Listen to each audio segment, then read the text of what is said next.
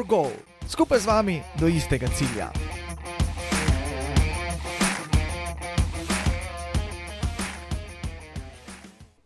Spoštovane poslušalke in spoštovani poslušalci, športni in drugi navdušenci, dobro dan in lepo pozdravljeni v novi oddaji športnega podcasta Go for Goal.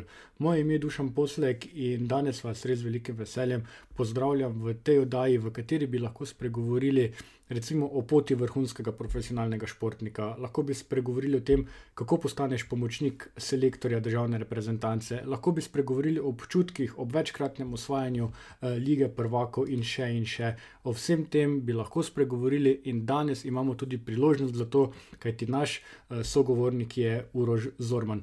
Uroša dejansko ni potrebno uh, posebej predstavljati, dovolj je, če rečem, ne vem, Liga prvakov, srebrna medalja iz Evropskega prvenstva, kapetan slovenske reprezentance in še in še. Tako da, Uroš, uh, pozdravljen in dobrodošel v našem podkastu. Lepo pozdrav vam in vsem vašim poslušalcem. Um, Uroš, če se tako za začetek uh, vrnemo tja, kar nekaj let nazaj, in sicer se, se želim vrniti tja, uh, kamor moj spomin uh, seže, uh, in to je v letu 2004, oziroma v sezono 2003-2004. Uh, Recimo tako le s parimi besedami: Sever Nemčije, Flensburg, cel je pivovarna Laško, osvojena uh, Liga prvakov. Kakšen je torej tvoj spomin na tisto sezono, od katere je letos eh, minilo, oziroma mineva že skoraj 17 let? Uh, ja, zdaj uh, občutki, mislim, oziroma kaj uh, spomini so sigurno. Ne bom rekel, bledi, ampak da bi se to zgodilo včeraj, tisto leto 2004, bilo nasploh neko, um, lahko rečem, na koncu sansko leto in uh, mogoče tudi uh, pre, prelomno leto uh, uh, moje kariere in tako naprej. Tako da, se pravi, 2004 je marsikaj, uh, je marsikaj naredil, pa je vpliv na, na moj potek in kariere in življenja. Tako da, uh, zdaj, če smo sami na klubski sceni, uh, se pravi v Flensburgu, ja, um, kaj so bili takrat, 24 let, v bistvu, spoh, mm. če sem čisto pošten, se ne zavedaš. Uh, kaj to pomeni biti evropski prvak, ne, na koncu koncev. In uh, mi smo to usvojili, uh, klubski evropski prvak, in uh, vse te stvari prihajajo potem za tabo, in uh, na koncu koncev, če smo čisto pošteni, še le danes uh, ceniš tisto, kar, uh, kar si naredil, in, oziroma se zavedaš teh vrednot, oziroma kaj. kaj Kaj to pomeni. In, uh, da, uh, ja, v tistem letu, sigurno, uh, noro leto, noro leto. In, uh, Eh, prva je le prva, kot že mi pravijo. In to je bila, uh, se pravi, jaz sem imel srečo v karieri, da sem usvojil še, še kakšno in lahko tako rečem, da je bila prva le prva in, uh, in to z domačim klubom, kar je še slajši. In, uh, ja, spomini so, bom rekel, sveži in uh, super. No, pa se želim še vseeno za trenutek vrniti tja gor na sever Nemčije v tisto uh, čarobno leto, ko je celje pivarna Laško res osvojila uh, prvi in zaenkrat edini evropski naslov. Uh, verjetno se spomniš, ne, da je takrat uh, na zadnjem delu uh, avtobusa oziroma na zadnji šipi tudi uh, pisalo ne, Zormanje Štajerc in se mi zdi, da takrat je res bila to taka, en takšen odraz tega, da je bila celotna Slovenija uh, združena. V tem navijaštvu, v tem enotnosti, no, v tej podpori, nekaj, kar je sila redko, ne dan danes. Ja, tisto leto, kot smo rekli, eh, je bilo sigurno neko čarobno, magično in na koncu od tiste, če gledava eh, Evropskega prvenstva, od začetka leta do, do olimpijade, oziroma celo leto, eh, nekako, če smo samo celsko dvorano pogledali v tistem letu in naslednji, se pravi, mhm. tisto sezono 2-3-2-4 in potem 2-4-2-5, je bila dvorana nabito polno vsako tekmo in to mislim, da nam rekel bom pretiraval zdaj, ampak če rečem minimum pol ure pred tekmo, bila nabita že, uh, sem, sem mal rekel. In uh, ko si pogledal po dvorani, uh, ali pa oziroma uh, parking pred dvorano, uh, je bilo od, od, od, od A do Ž. Oziroma, iz cele Slovenije so res uh, uh, prihajali na tekmo, in uh, uh, to je bila ta uh, vrednost, na koncu koncev, če lahko tako rečemo, tega, uh, tega športa, da, da smo se res uh, da smo res združili celo Slovenijo in da so iz cele, da ni bil to samo, kako bi rekel, eh, celski klub, ampak je bil na koncu koncu eh, to slovenski klub. In to je bila res ena lepa zgodba. Nažalost je takih zgodb bom rekel, v Sloveniji ni, ni, ni tako velik, še zmeraj zmer imamo pol, se kar nekaj ločujemo in ti si tam, ti si ta, ti si enako, ti si tako in tako naprej. Tako da, ampak ja, takrat je bilo pa res izredno, izredno to lepo in tako, kot si rekel, ni bilo važno, da si bil Ljubljančan, Štajerc ali si bil Primorc ali uh, prek Murca ali, ali Dolenc, Gorenc in uh, takrat smo bili vsi eno in uh, tudi z tega stališča, ali pa bomo rekel, sploh iz tega stališča, bila res ena fantastična zgodba. Je pa bila ta tvoja pot ne, izjemno pestra do tega uh, prvega naslova. Lahko bi celo rekel, da uh, če bi kdo pisal knjigo o tem, bi si teže uh, predstavljal bolj dramatično, dramatičen potek. Ne. Če se samo spomnimo, v tisti sezoni si ti igral uh, za Ademar Leon, za Ademar, ki ga je celje v tistem infarktni neverjetni uh, tekmi izločilo v novi celski lepotici, v celski uh, dvorani. No, potem si pa ti zadnja Marija dejansko uh, prestopil v celje in potem s celjem osvojil svoj prvi naslov v Ligi uh, prvakov. Povej, se ti je kdaj v mladosti, oziroma ko si odraščal, zdelo, da bo ravno slovenski klub tisti, s katerim boš prvič osvojil Ligo prvakov? Pa ja, mislim, da že prej, prej sem šel v tujino, smo se malo uh, pogovarjali s celjem, ampak nikoli ni prišlo tiste pike na i, tako da uh, sem poločil v, v tujino. Uh, mislim, da smo čisto iskreni, to je logično, tudi noben si ni predstavljal uh, v tistih cajtih, oziroma uh, prej, ja, ko je bil celje, mogoče tudi največje proračune, ki je bil naj, eden izmed tudi, uh, bom rekel, bogatejših klubov v Evropi, uh, ki so res vlagali v ekipo, v ekipo ogromne vsote denarja, uh, potem so obrali neko novo pot, se pravi, so zmanjšali, oziroma vse tiste zvezde so dali stran, obdržali uh, v tistem trenutku um, dva, dve, tri, štiri uh, stare igralce, vse ostalo so popravili mlade. In uh, se pravi, ti sponzorci so bili Kukšarov, Perič, uh, Milosavljevič, pa Vugi od starejših, uh, in uh, vse ostalo je bilo pa mlado. In uh, mislim, da celo v tistih cajtih uh, najmanjši proračun kluba. Uh, tako da, sigurno, uh, nobeni računali na to, oziroma sploh niso uh, si predstavljali, da bi lahko uh, prišli do do, do naslova evropskih prvakov. Tako da uh, tudi moja pot, uh, se pravi, sem šel v tujino, kjer uh, moram še enkrat povdariti, da sem se tudi tam veliko naučil in uh, tudi to znanje pol prenesel s sabo.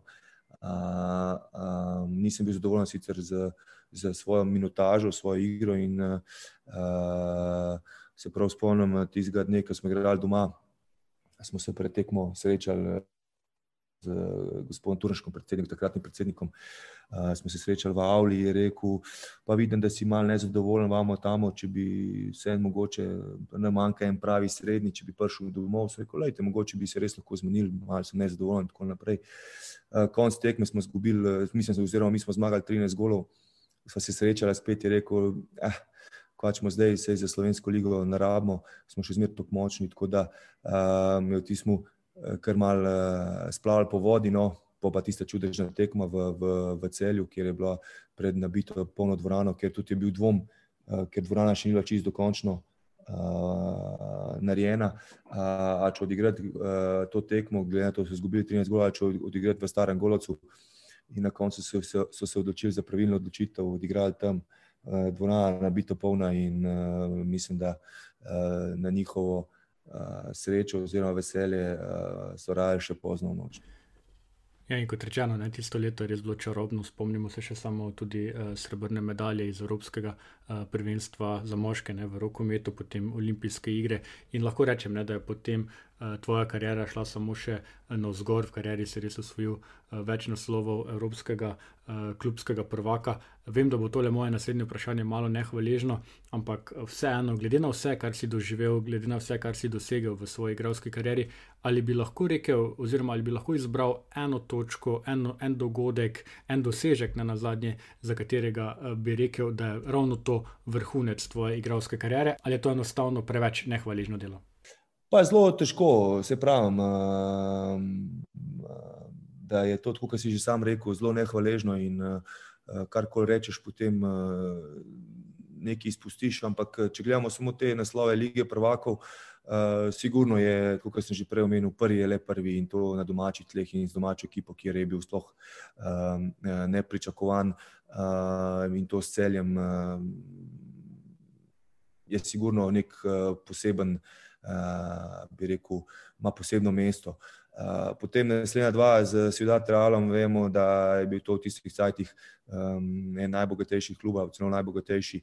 Uh, imel je 16-17 vrhunskih igralcev in uh, kaj drugega od, od tazga kluba oziroma od takih uh, investicij oziroma uh, ni bilo kaj drugega pričakovati, kot kar Uh, oziroma, vse drugo je bilo uh, mečko razočaranje, ker koli uh, oziroma uh, Lovoriko uh, uh, nismo usvojili, je bilo malo razočaranje.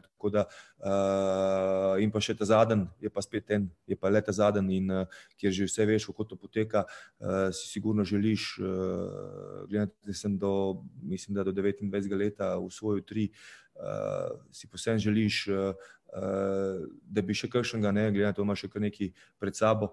Uh, se je pa res zgodil, mogoče v zatonu moje uh, kariere, govorim uh, časovno, uh, ampak sam vem, da sem pa se prav bil star 36 let, odigral mogoče celo najboljše leto svoje kariere in uh, vseh tistih, um, spoh, bom rekel, negativnih komentarjih v, v, v Sloveniji, že ne vem, kjer ga leta, ki so me v pokoj dajali uh, in na reprezentančnem nivoju in klubskem. Tako da um, je bil tudi ta zelo sladek. In, uh, ampak ja, med vsemi štirimi, sigurno, celje z prva, z celjem, posebno mesto, ampak ja, na koncu so pa vse štiri, so vse lovike in uh, vsaka šteje, vsaka ima svoje poglave. Večina se te seveda spominja kot zelo uspešnega in dobrega, odličnega, ne, na zadnje igralca, uh, ob tem pa vseeno ne smemo uh, pozabiti, ne, da si pa v zadnjem letu oziroma v zadnjem obdobju si pa tudi uh, trener. Uh, povej mi, tako sedaj imaš obe izkušnji, tako kako je stati in dirigirati svojo ekipo na igrišču, jo voditi, obenem pa sedaj veš, kako je, ko te omejuje ta outlinija, preko katere ne smeš, ne kljub temu, da bi verjetno največkrat eh, rad preskočil to črto in šel eh, pomagati svojim igralcem. In reči, eh, kje je biti lažje, na igrišču ali sedaj tam ob robu, ko veš, da pa vseeno ni vse direktno v tvojih rokah. Pa sigurno je lažje biti na, na terenu, imaš žogo v svojih rokah, samo odločaš, veš, da si, da si uh, na koncu, rekel, narediš pozitivno, negativno stvar, veš, da si to ti naredil, da ti odločaš o tem in lahko samo sam sebe kriviš. Oba v liniji je stvar logična, da, da ti daje samo napotke in uh, tvoji igravci uh, izpolnjujejo te stvari. Ampak uh, se pravi. Uh, je pa, kar se tiče samo, zdaj, če gledamo kot igralec, trener, igralec, priješ na trening, ko delaš, greš domov, priješ na tekmo, poveti trener, kam moš igrati, se ja, imaš ti svoje vložke, svojo, svojo glavo, svojo neko inteligenco uh, in uh, probaš to, da v nekaj stvareh, v nekih trenutkih same izvedbe uh, taktike probaš odigrati nekaj drugega, oziroma spremeniš neki sistem, oziroma če se nekaj pokaže, luk, ne odigra sam. Kar se tiče pa samega trenera, je pa tako, da, da da moraš uh, v bistvu cel teden splanirati, oziroma razmišljati o, o 20 igralcih, oziroma koliko jih imaš na treningu. Se pravi, vsak dan, kaj boš delal, se pravi, priješ na trening, en, enega ne vem, ga boli to, en je to, en je nervozen, enega je, ne vem, govorim na pamet, punca pustila in tako naprej. Tako da imaš ti v bistvu 20 problemov, ne? prej si imel pa samo enega. Prije tekma, stojiš za linijo in poveš, kako pa kaj približno in zdaj oni, uh, kako to uh, sprovedejo, oziroma kako to odreagirajo, odigrajo, je pa spet druga stvar. Da, um, je pa res, na koncu koncev, uh, vsaka ima svojo težo, vsaka je. Uh, je treba tudi vedeti, da, da, da kot trener ne postaneš pri 20 letih, ampak postaneš, uh, ko si že starejši, tudi malo bolj uh, mirnejši, izkušenejši in uh, je spet to, spet druga vloga. Ne. Tako da uh, na koncu koncev, ko daš na tehtenco, uh, je vse, bom rekel, nek isto, oziroma podobno, le da je vsa, vsaka stvar v svojem obdobju in uh, temu primerno so tem pol tudi uh, stopne težavnosti, kako bi temu rekel. Uroš, poznamo te kot zelo temperamentnega igralca, res veliko energije si vedno znova uh, prinašal na igrišče. Obenem pa pri tvojem prehodu od igralskih do trenerskih vod ni minilo uh, veliko časa. Uh, imaš občutek, da si se v tem času, oziroma da si bil nekako prisiljen se v tem času tudi spremeniti v tem odnosu do igre, do temperamenta, do tega, ne? ker sedaj vseeno veš, ne, da marsikatere poteze si vseeno kot trener tudi ne smeš privoščiti, ne? vse temperament je dober, pri, prinaša ne na zadnje. Uh, tudi uspeh, ampak vseeno imaš občutek, da si se kot trener moral malo umiriti, stopiti kakšen korak nazaj in mogoče malenkost bolj s hladno glavo pogledati na določene situacije. Do, to je že tako, kot sem prej omenil. Ne, to je del, če lahko rečemo, tudi odraščanja, oziroma uh mhm. -huh. so to etape v tvojem življenju, kjer, kjer si, ali si star 20 ali pa 40, je to spet čist druga, drugačno razmišljanje, drugačna uh, uh, miselnost. In, um, ja, kot sem rekel že prej, uh, ko sem bil mlad. Uh, Seveda si rečemo mlad, pa neumen, kako se reče, ali pa temperamenten. In, in jaz verjamem, jaz še zmeraj zagovarjam to, da, da, da, da moraš imeti nekaj v sebi, ne, če hočeš postati vrhunski. In od ubogljivega in pridnega fanta um, je, je zelo težko uh, uh, priti do vrhunstva. Uh, govorim v, v kolektivnih športih in moraš imeti malo vse tiste prefriganosti in uh, tudi da je biti malo um, med, um, kako bi rekel, temu, uh, da je mogoče iti tudi čez mejo. Ampak ja, na koncu, koncu jaz, kar sem naredil v karieri, igralski, nikoli nisem več obžaloval in na koncu me je tudi ta pot uh, pripeljala do tam, kjer me je. Kar se tiče pa trenerstva, je pa logično, tudi uh, pri meni, se, ja, bil sem že v tej fazi, se pravi, uh, starejši. Uh, doma imaš tudi uh, tri otroke, imamo, imamo tri otroke, in uh, tudi logično posledično s tem se tudi ti umirjaš, uh, vidiš, kako je. In uh, je pa res, da tudi na začetku, uh, če primerjamo samo mojo, se pravi, ko sem kot prvi trener, uh, prve dni ali pa današnje dni je spet to, kot dan pa noč skoraj. Uh, Kolikor sem bil že meren po igralski karieri, ali reč temu meren, glede na to, kakšen sem bil kot igralec, sem še zmeraj kot trener bil uh, tudi zelo temperamenten, uh, oziroma tudi temperamenten sem še danes, da ne bomo, da ne, ne bomo kakšno, uh, kdo na robe razumel, ampak je pa sveja spet, da, da že ločujem, kdaj lahko, kdaj ne, oziroma kdaj je pravi trenutek, kdaj ne. In tudi to se prej spet prihaja z izkušnjami in potem vse to skupaj z leti ko si končal z igralsko kariero, si se dejansko praktično takoj podal, kot rečeno, v trenerske vode in praktično takoj si postal tudi pomočnik uh, trenerju Talantu Dušembajevu, eden, enemu izmed najboljših trenerjev. Povej, kaj je tebi pomenilo, da si ta trenerski posel uh, pričel spoznavati ravno pri takšnem, da rečem, kalibru, kot je ravno Dušembajev? No, jaz lahko rečem, da sem imel tudi zelo srečo čez kariero, da sem rešil čez, eh, čez vse tipe trenerjev, od eh, najboljših do, bom rekel, uh, povprečnih in oziroma videl, kje so napake, kjer je tisto vrhunstvo, kjer, kjer nekdo nekaj zaostaja in tako naprej. In, um, Uh, tudi s Talentom smo delali skupaj, če na koncu konca to počrtamo, skoraj deset let. In, uh, Uh, naučil sem se marsikaj in se, ja, um, ko, ko sem jim ponudil ta priložnost, da bi bil takoj pomočnik in to pri talentu, mislim, da, da noben ne bi razmišljal niti pet minut, tako da tudi jaz nisem. In, uh, zato sem tudi zelo hvaležen, tudi te dve leti sem se ogromno naučil. Ampak, uh, tako kot so tudi potem s talentom se tudi veliko pogovarjala, je tudi sam rekel, da je prišel čas, da grem na svoje in da, da tudi moj karakter in vse te stvari, kakršen sem, um, mi ne dopuščajo, bom rekel, prav dolg uh, biti na enem mestu, če govorimo o pomočniku. In, in uh, tako da uh, tudi vidim, da sem se uh, pravilno odločil in tudi uh, s Tantom, ki se tudi dan, danes še slišva, uh, tudi marsikaj si pomaga, oziroma iz nasvet in tako naprej, uh, tudi on pravi, da, da je bila to pravi, edina in pravilna odločitev.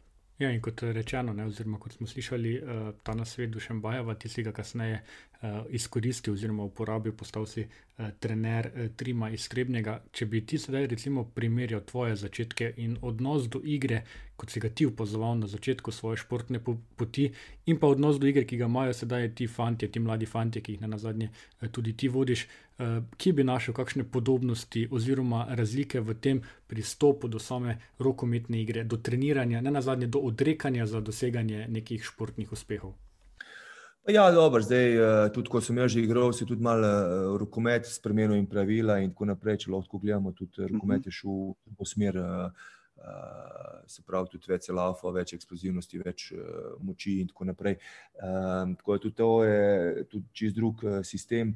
Um, tako kot sem že prej omenil, srečo sem imel, da sem bil v vseh teh sistemih, da sem rastel to in da sem tudi, uh, bom rekel, končal v teh zadnjih uh, sistemih ali pa v teh modernih sistemih, kjer so in, in tudi moj sistem je tak. Zdaj, uh, kar se tiče same Slovenije, uh, moram reči, da sem zelo zadovoljen in svojo ekipo in to, kar smo tudi letos pokazali. In je pa res, da so tudi generacije čist druge. Vemo vsi, da smo bili, če lahko tako rečem, naše generacije so bili bolj uh, ulične generacije, se pravi, smo bili bolj uličari. Mi, uh, le, te današnje generacije so bolj jaz mi rečem, te bolj uh, PlayStation generacije. Ne, in uh, tukaj, tukaj se zelo, zelo veliko pozna, in če gledamo tudi sami kvaliteti, zelo v motoriki in tako naprej. Uh, Seveda so tudi, da, da ne bo pomote, izjeme, ampak če govorimo na splošno, generalno je to tako. In, uh, ampak vseeno, uh, uh, bistvo je glih to, uh, če rečemo trenerja, da prepozna te slabosti in da se iz dneva v dan uči nove stvari. In, uh, in jaz verjamem, da mi v našem klubu eh, gremo v tem trendu in ehm, da, da, da delamo ehm, tiste stvari, ki nam manjkajo in falijo, in da, da rečemo temu, da smo na dobri poti. Pa če bi se zdaj, recimo, še tako malo ozrl nazaj, če se spomnimo, ne, v preteklosti je Slovenska liga z veliko večjimi finančnimi eh, vložki imela eh, določene uspehe, oziroma slovenski klubi, sedaj je situacija bistveno drugačna. Pa vseeno, povej mi, kakšen je tvoj pogled na Slovensko ligo, torej na to okolje, v katerem tudi ti deluješ in v katerem se sedaj razvijajo ti naši mladi igravci, za katere upamo, da bo kakšen izmed njih res prestopil tudi na ta najvišji možni nivo. Jaz mislim, da letos, eh, kar se tiče, pa bomo tako rekli, če gremo eh, zgodovino pogledati, ne, da, da, da je bil včasih Balkan pojem rokometa. Ne. In vsi, uh, tudi je bilo dost finančne podpore in tako naprej, se pravi in Španija, Francija in Nemčija, če lahko zdaj rečemo, kjer so zdaj trenutno vodilne lige ali pa ok, Nemčija, sploh Francija, potem Španija, Španija mal padla v zadnjih desetih letih, glede, da je bila tista finančna kriza in tako naprej. Ampak da so vsi Balkanci hodili uh, uh, v tujino, sploh če gledamo Španijo, zakaj je tudi danes ta španski sistem nekako najbolj uh, aktualen in najbolj prodoren in tudi najbolj uspešen. Zato, ker vsi Balkanci takrat so hodili v Španijo in takrat so se ti te Španci, bom rekel, učili od nas. A pa nas smo mogoče malo zaspali, ne, če to tako gledamo. In, uh, in tudi te Španci, ki so, so potem razvili nek svoj, svoj sistem, in tudi, se, ja, Eh, eh, povezano z ekonomijo, eh, so lahko to tudi igralci preplali, se učili, učili, učili in na koncu danes imajo oni tudi zelo eno veliko bazo trenerjev. Pri nas je pa, če, če gledamo malo na splošno, jaz mislim, da je problem v tem, da, da pri nas, kot tudi vidimo v zadnjem času, da, da vsi se vemo, ne, da vsi se komentiramo, da, da, ampak ko smo mi na svoji poziciji, ko imamo to moč, oziroma ko imamo to pozicijo, na koncu neč naredimo, ampak ko smo pa iz ozadja, ne, um, pa znamo marsikaj povedati, pa tudi vse vemo. Ne, ampak da bi pa kdo od nas šel v tujino, pa mogoče šel za en teden k nekemu trenerju, pa k drugemu, pa tretjemu, pa četrtemu, pa malo pogledal, pa se malo učil, pa malo vzel od enega, drugega, tretjega, četrtega, pa mogoče naredil nekaj svojega, eh, tega pa ni ne, in eh, to nam fali. Ne. Uh, če pa gledamo splošno letošnjo ligo, jaz mislim, da, so, da je bil kar en velik napredek, sicer je mal oziroma nam je kar štrene pomešala ta korona, ampak vidim, da, da so vsi klubi uh, sigurno napredovali, da, da so vsi klubi sigurno naredili nek uložek v, v sam klub. Tudi vsak, če pogledamo na koncu, koncu klub ima skoraj enega tujca uh, in uh, sigurno uh, slovenska, če bomo tako nadaljevali, liga strmi k napredku.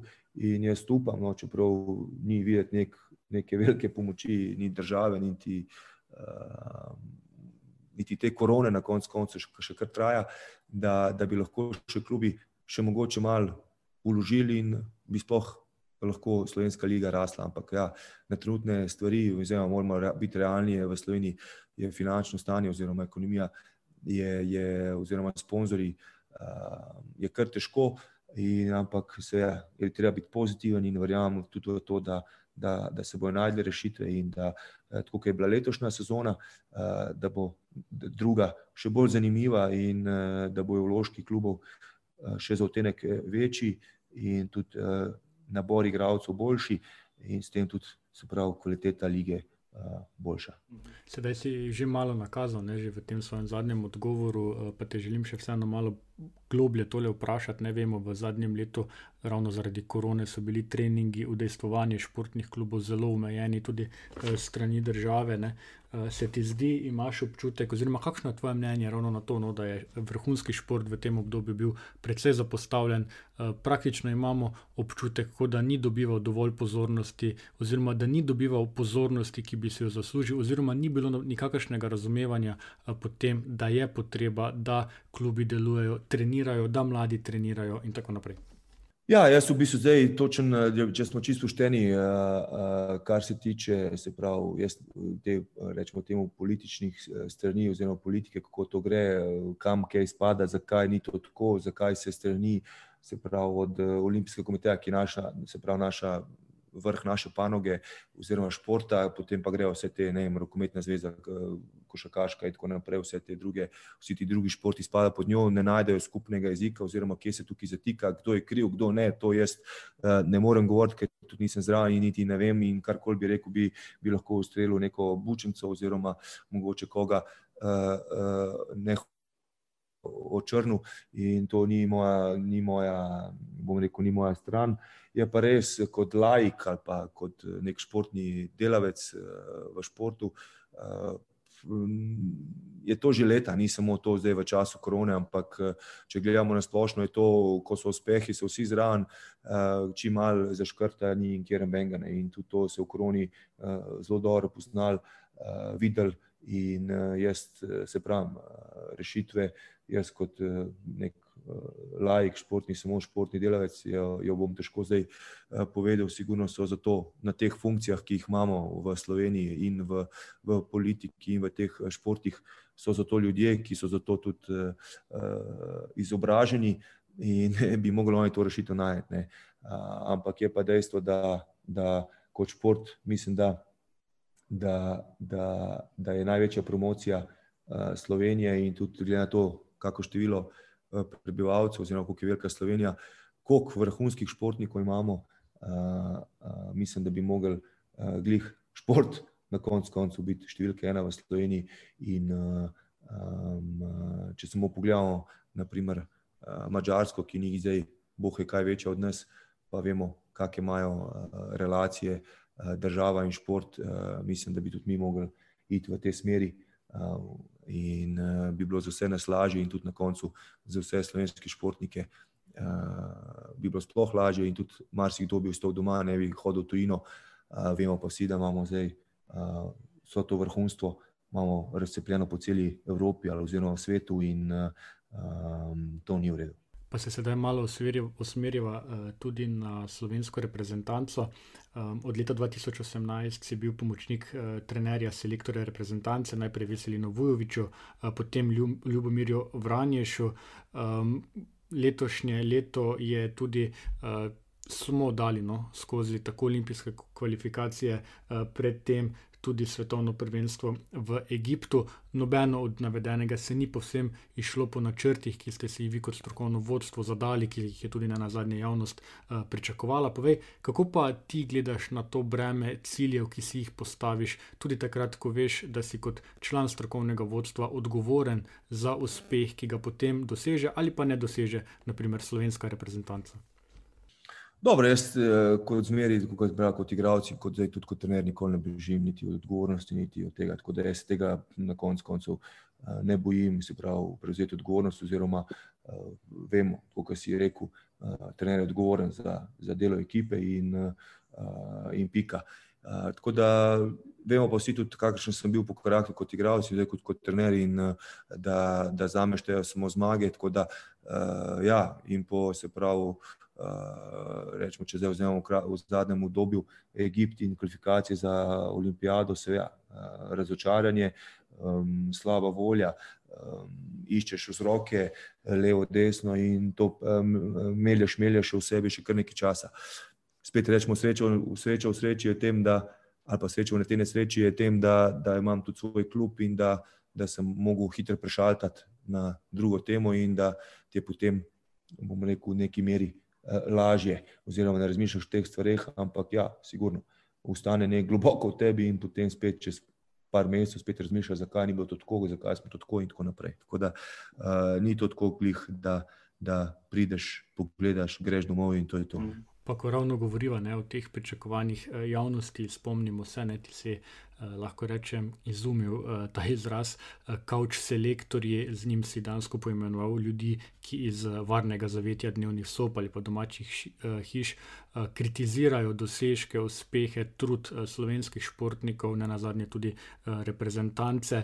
Povej mi, kako pa sedaj ti? z malo z distance, gledaš ravno na to kritičnost uh, vse javnosti, ki pogosto pozablja, ne, da vse pa vseeno ni odvisno od neke želje, ampak včasih pa je nasprotnik enostavno premočan in mu je potrebno, potrebno čestitati in stisniti roko.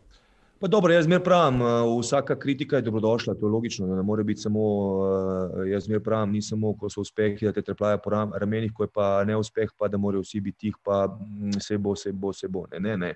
Jaz zmer pravim, pozitivna kritika je zmer dobrodošla. Bilo je problem, je samo problem, ker so to že neokusne kritike in grejo čez mejo vsakega dobrega okusa in res so to že, bom rekel, na meji, ne na meji, to so že, se pravi, gre po tvoji družini, gre po, ne, ne, in to, to, je, to, to mene moti, samo te stvari, ne.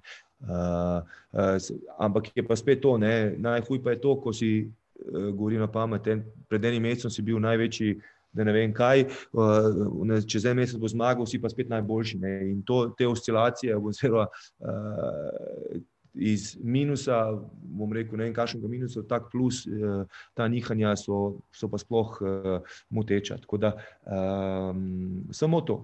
Logično je, da, da, da jaz kot igralec, ko sem igral, ali pa uh, da nisem znal žoge vrgel avt. To je logično. Nisem znal falil, nisem znal zadev Golmana.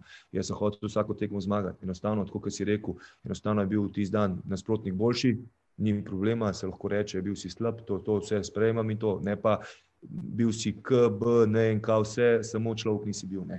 In to je problem. Ne. In uh, Uh, Vse, kaj, da, da smo čisto realni, tudi jaz, ki gledam nogomet, uh, košarko, ne vem, kje je koli športe, ko, ko vsi rejo, jaz tudi doma, bom rekel, prekovnam vse. Ne? Ampak ne grem pa to na, na, na, na računalnik, pa zdaj pisati, ti si ne vem kdo, ti si ne vem kaj. Logično je, da je vsak navija srce in tudi navijači, to logično, da so in tudi posod so. Uh, Eh, da, da, da, da hočejo zmago in tako in ko je slabo, da tudi uh, kritizirajo. Ampak, kot sem že rekel, še enkrat, v meji dobrega okusa in, in to so čist naravne človeške uh, stvari. Ne. In, in tudi zdaj, kot trener, ne rečem jaz, da znaš njemu pet levo, pa on userijo v levo, zato da sem jaz hotel, da, da, je, to, da je to tako, kot je. Ne. Ampak, uh, ja, ampak mislim, da da, da bilo, jaz vidim, da, da je bil že kar mal uh, pomik v, v pozitivno stran, je bil že kar in uh, verjamem, da lahko tudi te stvari še izboljšamo. Ok, pa se zdaj v tem uh, zadnjem delu najnega uh, pogovora usmeriva še v eno tako malenkost bolj uh, osebno plat Uroša Zormana. Vemo, da lani je išla tudi tvoja biografija z naslovom Tako kot sem rekel, izpod presa Lojzeta Grčmana. Ko sem tako jaz izvedel, ne, da boš izdal biografijo, ko si praktično začenjal s trenerskim poslom, bila moja, moja prva misel, da to pa je kar hitro v življenju, da se izda biografija. Ne. Povej mi, kaj je tebe vodilo k tej odločitvi, oziroma k temu, da si se odločil, da je pravi čas za to, da svojo pot, svojo življenjsko pot dejansko zaupaš, oziroma nekako obeležiš tudi v knjižni izdaji. Uh, ja, se, to je, to je zelo ena taka preča tema. Oziroma, jaz zelo rad ne, ne, ne, ne obešam uh, svoj niti privatni, niti športni, športno življenje na veliki zvon. Uh, tudi, uh, kdo me pozna, ne rad govorim sam sebi. Uh, Uh, Ravijan, če to že kaj, mora to drugi povedati, uh, tudi svoj privatni življenj bolj držim zase, tudi uh, tako, uh, kot imam jaz v življenju. Ali me imaš rad, ali me pa na koncu koncev sovražiš in to je meni čist ok, jaz nimam neke umestne, neke linije, tako kot se to že prej rekla, nimam tlake na jeziku, povem tako ali pa ali sem pa tih, ne bom za neki lepo govoril, zato da bo pač nekomu všeč. In uh, uh, se pravi, imam svojo mejo in, in to je to. Um, tako da tudi s knjigo nikoli nisem imel neke, mislim, niti nisem razmišljal o tem, dokler ni Lojs prišel z idejo, kjer sem bil zelo skeptičen um, glede teh stvari, kar sem že prej govoril. Ampak s časom mi je malo predstavil, uh, kako pa kaj, kako bi to izgledalo. Na koncu ja, se mi pa že zdela dobra ideja. Naredila sva par tistih, rečemo, vodov, usnutkov in tako naprej. Malo sem prebral in na koncu je res izpadla stvar super. Tako da, kar se tega tiče, na koncu, koncu sem lahko samo hvaležen, da je, da je bil malo ustrajen in da, da je na koncu uh, prišel tak izvod, kakršen je in uh, res uh, super. No, in potem je verjetno pravi čas, da tudi na tem mestu, oziroma v tem podkastu, rečemo: uh, Hvala, Lojza, da si vztrajal, hvala, da si Uroša prepričal v to, da, izda, da sta izdala, oziroma da sta se lotila uh, te njegove uh, biografije. Ko pa ravno Uroš uh, omenjaš uh, svojo družino, svojo intimo. Vem, da dan danes je zelo enostavno na družbenih omrežjih neko prepoznavnost oziroma um, ja, neko priljubljenost graditi z objavami uh, družinskih članov, ti se seveda tega, kot si rekel, sam izogibaš. Um, sem pa tudi nekje prebral, ne, da si lani v prevzemu trenerskega položaja v Trebnem dejal, da je družina zate zares eh, velik blagoslov ne? in da je tudi to, da si eh, v Trebnje prišel, velik blagoslov za družino. Uh, kaj je tisto, kar ti največ pomeni, to, da ste lahko sedaj z družino tukaj? Pa ja, glede na to, da sem bil zadnji dve leti na Polskem sam, uh, je bil že čas tudi, da, da uh, bom tako rekel, no, čisto pošteno, uh, gradil sem svojo kariero, se pravi, igralsko uh, 20 let, še malo več. Uh, Eh, pri tem je familija res, eh, nijam, mislim, brez njih, eh, logično ne bi prišel do tja, kjer sem. Sploh žena še v mladih letih, kjer sva rasla skupaj, so bili vzponi in paci, v glavnem smer me je podpirala, prišli so otroci, kjer je bila res stoprocentno, bom rekel, vsa vsa, vse je bilo usmerjeno v mojo kariero. In na koncu je tudi čas, da, da, da, da tudi jaz neko spoštovanje do, do, do družine izkažem. In je prišel čas, da tudi jaz njim dam, da lahko otroci naredijo svojo kariero, oziroma karkoli se bo svoj, kdo odločil. In je v bistvu na koncu, če tako čisto pošteno povemo, je bolj poudarek na njih. Uh, jaz sem eno svojo kariero že naredil, zdaj, kar se tiče trenerske kariere, um, bomo videli, kako bo to šlo, oziroma, kaj je prednost otroci, kaj se bodo otroci odločili. Če tudi govorim v prihodnosti, bojo um, ne, neke ponudbe, take, kakršne uh, bi si želel, tudi v takih mestih, kjer lahko otroci tudi nadgradijo svoje um, ali šport ali znanje in tako naprej. Uh, bomo šli v to, če ne, so pa, kot sem že prej omenil, otroci so prvi, oziroma družina. In uh, um, mislim, da, da, da je to najmanj, kar jim lahko um, vrnem za vse tisto, kar so oni meni uh, pomagali čez ta leta. Ja, sedaj, ko poslušamo tebe, kako govoriš o svoji družini, se pravi, uh, vidi nekako zelo uh, spoštuješ ravno to. Uh, bližino otroke in, in vse, kar ti družina pomeni. Ob tem pa želim se zdaj spomniti, oziroma meni še eno stvar, ne ti že nekaj let uh, organiziraš uh, tudi uh, svojo akademijo, kjer otroke učiš oziroma jim predajaš del svojega znanja, uh, ki si ga v vseh teh letih nabral. Povej mi, uh, kaj tebi pomeni to, da lahko del znanja predaš tistim, ki dejansko v tebi vidijo nekega vzornika svetovnega formata. Pa ja, to je tudi en lep moment.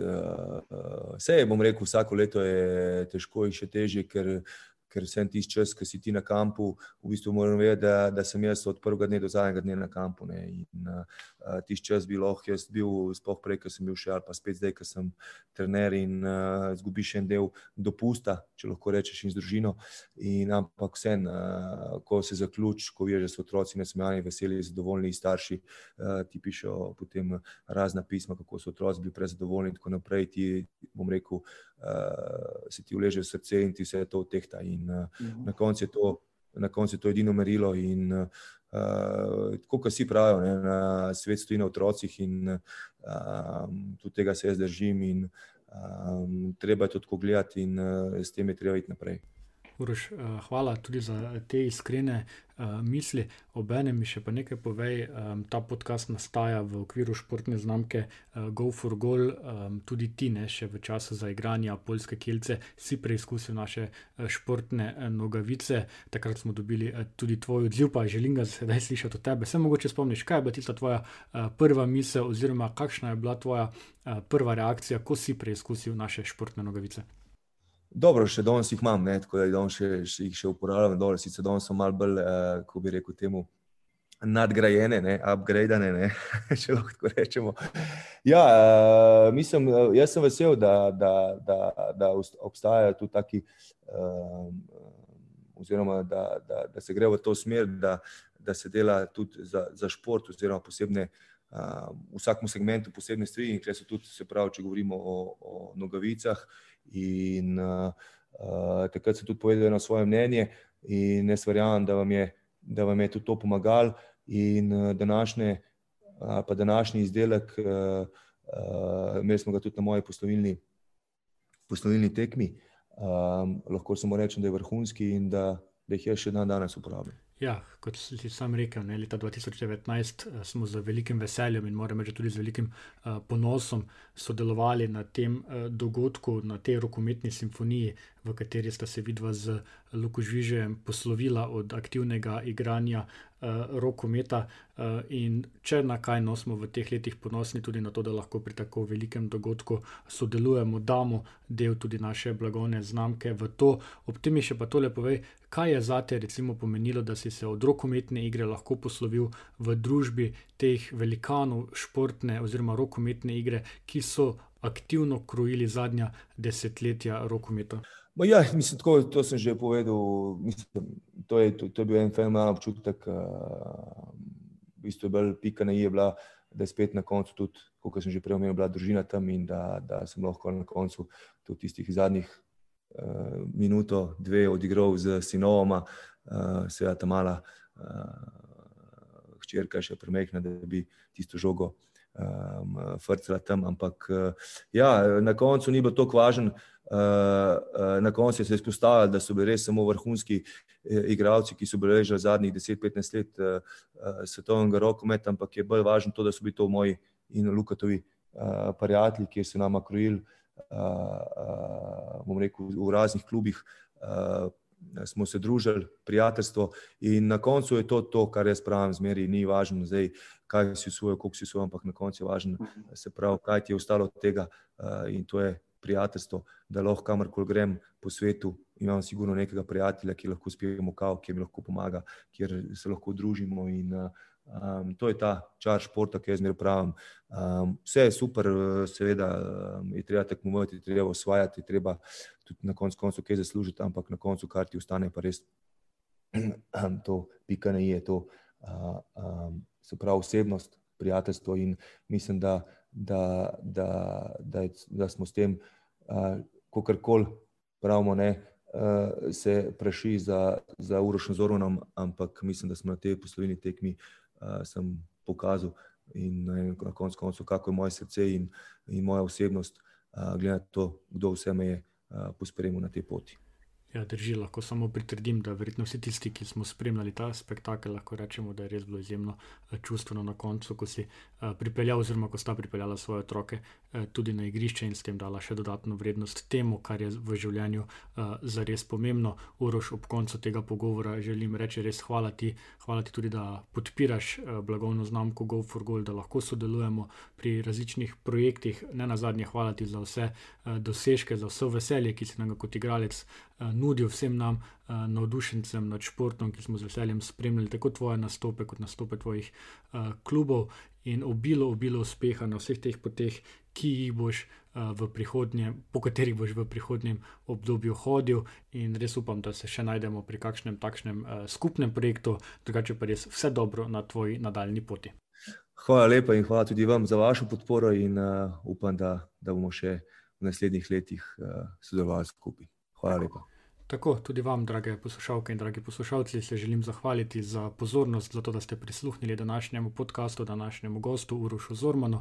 Obenem pa vas povabim, vkolikor želite biti dobrodelni, obiščite našo spletno stran, tam boste našli povezavo, na kateri lahko donirate v sklad za razvoj eh, talentov pri Zvezi prijateljev Mladine Ljubljana Moste Polje in tako podprete te mlade nadebudne športnike pri lažjem uresničevanju njihovih eh, športnih ciljev. Vse na, vsem našim podkastom pa seveda lahko prisluhnete v vaši knjižnici uh, za podkaste. In če ne prej, se slišimo naslednjič v naslednji oddaji športnega podcasta Go for Goal.